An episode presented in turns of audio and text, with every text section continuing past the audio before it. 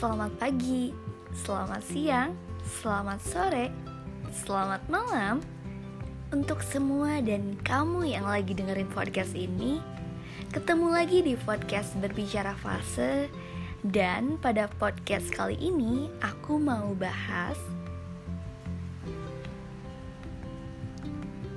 Kenal sama diri sendiri buat apa? Self love Emang penting ya? Seberapa penting sih mengenal dan mencintai diri kita sendiri? Hmm. Pertanyaan itu muncul berawal dari rasa penasaran aku sendiri tentang masa yang akan datang. Karena emang saat ini aku dan mungkin kamu juga ya teman-teman lagi di fase yang sama gitu Di mana kita berada di masa-masa abis lulus kuliah mau ngapain gitu? Mau ke mana?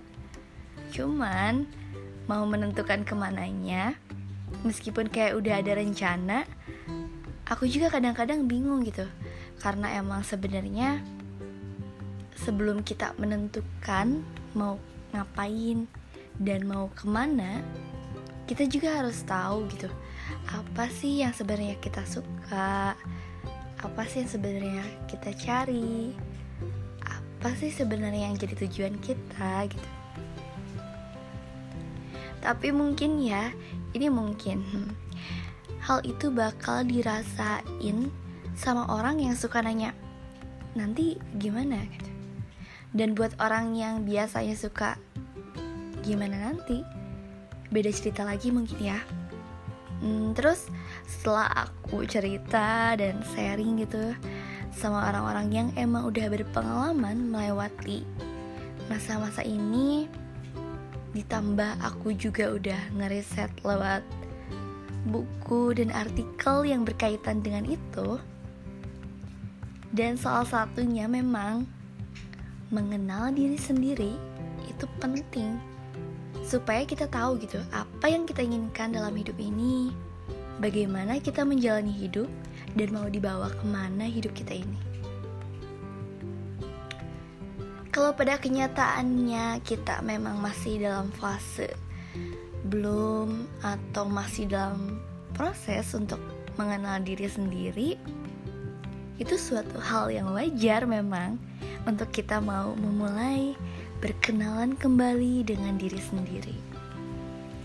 Aku percaya sih, kalau mengenal diri sendiri itu butuh waktu seumur hidup dan memang menjadi perjalanan paling penting selama kita hidup. Karena ketika kita mau untuk mengenal diri kita sendiri lebih jauh dan dalam lagi, dengan sesederhana itu, tanpa kita sadari, itu salah satu bentuk awal bahwa kita udah mencintai diri sendiri. Paham kan sampai situ? Bahwa dengan kita mau mengenal diri sendiri, itu berarti kita juga mau untuk mencintai diri kita sendiri. Self love. Dan suatu hal yang gak apa-apa ketika kita belum mengenal diri sendiri seutuhnya dan masih dalam proses untuk itu. Yang enggak wajar itu ketika kita bisa hebat mengenal orang lain dengan baik, tapi kita merasa kesulitan untuk mengenal diri sendiri dan gak mau mencoba untuk itu. Mungkin emang yang biasa kita tahu tentang mengenal diri sendiri itu kayak kita udah tahu siapa nama kita, kita tinggal di mana, tempat tanggal lahir kita kapan dan di mana. Tapi ternyata itu aja nggak cukup. Mengenal diri sendiri itu bisa lebih dari tentang itu. Seperti yang udah aku bilang sebelumnya, mengenal diri sendiri juga tentang kita tahu nih apa yang sebenarnya kita inginkan, bagaimana kita akan menjalani kehidupan gitu. Apa sih sebenarnya tujuan kita dalam hidup? Untuk apa dan siapa? sampai kita mau dan masih bertahan hidup bertahan untuk hidup sampai detik ini. Dan selain itu, kamu tahu gak sih kalau misalnya mengenal diri sendiri menurut para ahli psikolog, itu berarti kita memiliki pemahaman tentang perasaan, motivasi, pola pikir, dan kecenderungan kita akan sesuatu hal gitu. Ya, hal-hal tersebut memberikan pemahaman yang stabil mengenai harga diri kita dan nilai-nilai serta motivasi kita dalam hidup. Tanpa pemahaman itu memang ternyata kita kurang dapat atau tidak dapat mengukur diri kita sendiri. Ya dalam artian maksudnya mengukur nilai kita sendiri atau potensi gitu ya. Hmm, mengenal diri sendiri itu emang seharusnya dimulai dari diri kita sendiri kan karena kita yang menempati diri kita sendiri tapi kita juga tahu kan bahwa mengenal diri sendiri itu juga bisa lewat orang lain bisa dengan bertanya langsung pendapat mereka tentang kita atau tanpa bertanya pun bisa kayak gini karena setiap orang sesungguhnya adalah cermin. Kenapa aku bilang kayak gitu? Karena aku pernah baca quotes kayak gini. Dunia ini sebetulnya adalah cermin.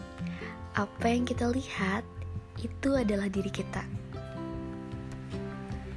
Nah, hal itu mungkin menurut pendapat aku ya, itu bisa untuk mengenal diri kita lewat pikiran kita. Contohnya, ketika kita berbunga-bunga, jatuh cinta, senang, dunia terasa indah, dunia dipenuhi kebahagiaan. Tapi ketika kita sedih, kecewa, bertengkar dengan teman atau seseorang yang kita sayang, pasti ke mana-mana aja rasanya mendung, gelap, atau sampai ada yang merasa bahwa orang-orang di dunia jahat. Mau ke planet aja. Pernah nggak sih kamu baca itu? Uh, asli uh, lucu sih itu tapi emang bener gitu. Asli itu bener banget. Karena emang segala sesuatu itu bermula dari pikiran kita. Dan aku juga banyak belajar bahwa sebelum kita berpikiran yang enggak-enggak sama orang lain coba pastikan dulu apa emang iya orang lain yang salah? Atau pikiran kita yang salah? Aku kayak pernah baca buku tentang kepribadian gitu dan ada quotes yang relate dengan cermin juga kayak gini. Dalam menjalani kehidupan gunakanlah dua cermin. Satu cermin untuk melihat kekuranganmu dan satu lagi untuk melihat kelebihan orang lain. Setelah aku pikir-pikir ya, aku setuju sih karena terkadang kita lebih mudah untuk melihat kekurangan orang lain gitu daripada mikirin kekurangan diri kita sendiri. Tapi kadang ada juga yang suka berpikiran kurang baik terhadap dirinya sendiri atau ngerasa insecure gitu ya. Hmm, gimana ya? Mungkin kita bisa menyikapinya harus menggunakan porsi yang tepat sih ya untuk keduanya. Biar dalam mengenal diri sendiri akan kekurangan atau kelebihan itu bisa balance gitu ya, seimbang. Oke, mungkin langsung aja ya aku udah rangkum hasil riset aku dari berbagai pandangan dan secara umum bahwa kita bisa mengenal diri kita untuk mencintai diri sendiri itu bisa dengan dilakukan dengan cara yang sederhana yaitu pertama melakukan kegiatan-kegiatan yang memberikan dampak positif terhadap kita gini ya karena secara umum manusia itu kan terbagi menjadi dua unsur, yaitu tubuh dan jiwa. Tubuh yang bisa terlihat, kalau jiwa hanya bisa dirasakan. Nah, dengan kita bisa memenuhi kebutuhan diri sendiri, kita sudah mau untuk mencintai diri sendiri gitu. Misalnya untuk tubuh, kita harus mau untuk olahraga supaya tetap sehat, gitu. jaga kesehatan gitu kan. Makan makanan yang kita suka, tapi tetap yang sehat-sehat ya. Dan juga perawatan diri dari mulai dari ujung rambut sampai ujung kaki. Nah, kalau misalnya untuk jiwa, misalnya kita jangan banyak pikiran atau overthinking akan suatu hal yang belum pasti atau nggak jelas gitu. Ya gak jelas asal usulnya dan gak tahu mikirin apaan gitu kan. Sehingga yang kita cari harusnya kebahagiaan, ketenangan, dan hal tersebut bisa dengan kita melakukan hal apa aja yang kita suka, tapi tetap dalam konteks yang positif ya. Misalnya, menjalankan hobi atau kesukaan kayak nonton drakor, jalan-jalan, main games, quality time gitu kan, sama orang-orang terdekat, hangout, dan yoga gitu kan, bisa dan masih banyak lagi. Sebenarnya hal-hal itu kita udah tahu dan kita udah rasakan juga.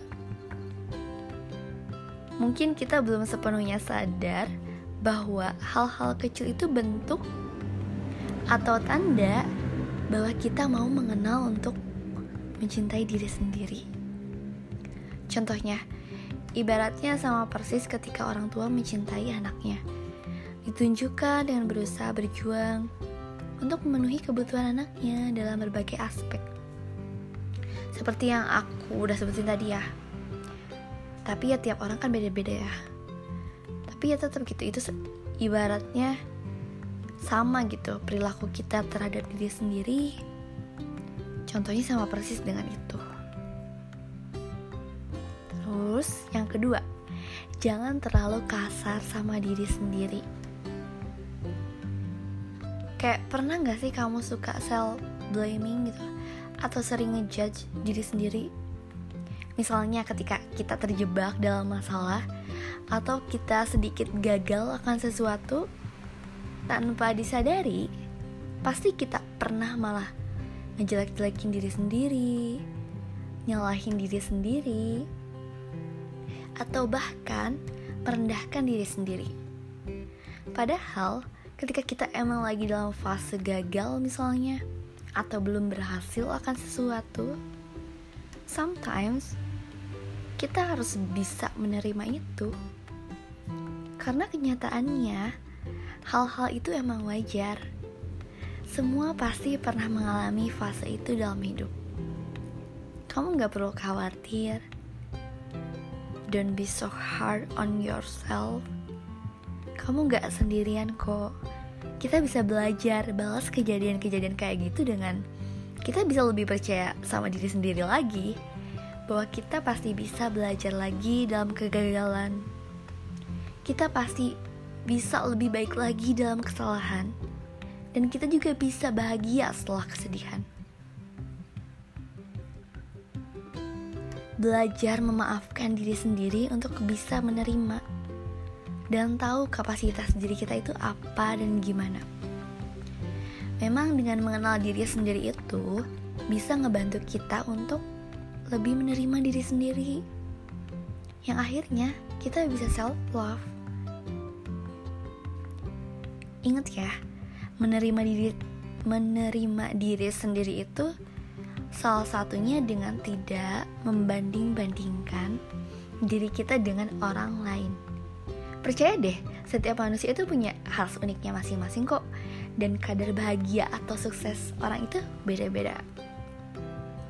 So, just believe on yourself. Dan ini nih yang ketiga, paling penting dan sederhana supaya kita lebih kenal sama diri sendiri. untuk bisa self love itu bisa dengan cara sering-seringlah menghabiskan waktu dengan diri sendiri quality time me time gitu dengan diri sendiri. Tinggalkanlah tuh gadget sejenak pilih waktunya kapan. Tapi bener-bener yang self talk dengan diri sendiri ya ngobrol dengan diri sendiri. Menulis. Jadi banyak cara sih yang bisa dilakukan untuk itu. Siapa tahu dengan banyak ngobrol sama diri sendiri banyak mengenal diri sendiri ternyata kamu punya potensi yang luar biasa yang selama ini hanya terpendam, terkubur. Hanya gara-gara kamu gak punya waktu untuk mengenal diri sendiri. Hmm. Sebelum closing, ada hal penting yang harus kita tahu dan ini aku dapat dari coach Jera Jomiwi dan pas banget gitu ya ketika kita misalnya masih dalam proses mengenal diri sendiri atau kita ngalamin suatu hal yang bertolak belakang mungkin dengan diri sendiri ini pas banget emang. Gini karena kita bicara tentang diri sendiri yang kalau dalam bahasa Inggris itu self dan ada empat kunci yang diambil dari kata self yaitu S E L F S yang pertama itu source source minded, kita harus ingat kita ini bersumber dari mana sih? Kita ini sumbernya siapa sih? Jadi kita kembali lagi ke sumber, sama seperti sebuah pohon. Makan dari mana? Makan dari akar, makan dari daun. Jadi itu yang kita harus petakan di diri kita. Dan kita harus ingat bahwa kita adalah makhluk yang terbatas gitu. Ketika menghadapi sebuah masalah, kita harus melibatkan source yang lebih besar lagi. Source apakah yang lebih besar lagi dari diri kita gitu? Itu yang perlu kita gali. Hmm, kayak contoh ya, aku, aku pribadi gitu, beragama Islam. Ya source aku yaitu Tuhan gitu, Allah Subhanahu Wa Taala Kemudian yang kedua adalah I. E ya, energi. Ini berkaitan dengan jiwa atau emosional kita yang cuma bisa dirasakan. Energi yang seperti kita tahu itu tidak bisa diciptakan, tidak bisa dimusnahkan. Dia hanya bisa dirubah bentuknya. Kenapa kayak gitu? Hmm, contohnya, ketika seperti energi kesedihan atau kekecewaan misalnya pernah ada atau sudah ada dan tertanam di diri kita dari kecil atau masa lalu? Kayak semacam ada luka batin di masa kecil atau di masa lalu yang di mana ada suatu ketidakadilan yang kita anggap pernah terjadi. Kalau itu belum diatasi dia akan tetap ada di dalam diri kita. Tetapi tetapi dia tidak bisa dimusnahkan gitu. Karena sometimes pasti membekas kan? Justru uh, dia bisa diubah bentuknya. Makanya di fase itu proses self healing penting untuk bisa menarik semua kesakitan kita di masa lalu. Kita ubah dia menjadi daya positif daya dorong yang bisa membuat hidup kita lebih baik dan karir kita lebih baik juga. Terus yang berikutnya adalah L. L itu tetap gunakan love untuk betul-betul apa ya hmm, menciptakan learning system untuk diri kita. Jadi ketika kita sampai di usia berapapun, kita harus ciptakan sistem pembelajaran untuk diri kita sendiri. Kita nggak bisa selalu adopsi dari orang lain. Kita harus menciptakan buat diri kita sendiri. Terus yang terakhir F, freedom kita harus bebas. Kita harus berani menjadi diri sendiri. Bebas dalam arti yang positif ya. Semacam berani untuk memilih, berpendapat, juga menentukan segala hal apa pun yang kita inginkan, apa pun yang kita rencanakan, harapkan, dan wujudkan dalam kehidupan kita. Jadi itu yang udah kita bahas lumayan banyak juga. Tapi jangan cuma sampai di situ aja sebenarnya. Kita harus banyak cari dan gali juga, pelajari lagi karena mungkin masih banyak hal yang belum kita ketahui tentang itu. Setelah kamu sudah mendengar sampai sini, menurutmu penting gak sih mengenal diri sendiri untuk mencintai diri sendiri? Menurutku sih penting ya. Hmm, ya penting karena pada dasarnya sebelum kita mau mencapai suatu tujuan, karena setiap dalam hidup itu kita kan punya tujuan masing-masing kan ya. Kamu sama aku pasti beda gitu kan. Entah itu tujuan hidup, pendidikan, karir, atau itu tujuan dalam percintaan gitu misalnya.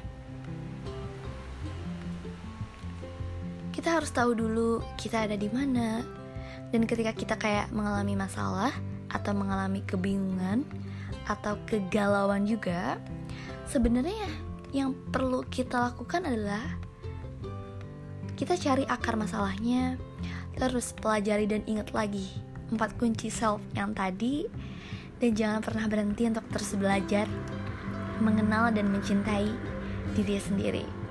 Supaya ketika kita sudah tahu bagaimana memperlakukan diri kita dengan sebaik mungkin, itu berarti kita juga bisa dan tahu bagaimana mengenal dan mencintai orang lain dengan lebih baik lagi. Karena dalam hidup ini, bukankah kita ingin diperlakukan orang lain dengan baik? Maka dimulai dari belajarlah memperlakukan diri dengan baik agar kita tahu cara memperlakukan orang yang lain dengan baik. Kalau bukan dimulai dari diri kita sendiri, siapa lagi? Perihal mengenal dan mencintai diri sendiri juga orang lain, jangan lupa juga tentang ini ya. Segala sesuatu yang berlebihan itu tidak baik. Jadi, pastikan bahwa porsi yang kita berikan itu bisa balance atau seimbang ya. Bukankah sesuatu yang cukup itu selalu lebih baik? Jangan lupa untuk terus memperbaiki diri, bukan untuk lebih baik dari orang lain, tapi belajar lebih baik dari dirimu yang sebelumnya. Aku Kintan Tamara Permata dari podcast Berbicara Fase Mau bilang makasih buat kamu yang udah setia dengerin sampai akhir podcast episodeku yang kedua Sampai bertemu di episode selanjutnya. Jangan lupa bahagia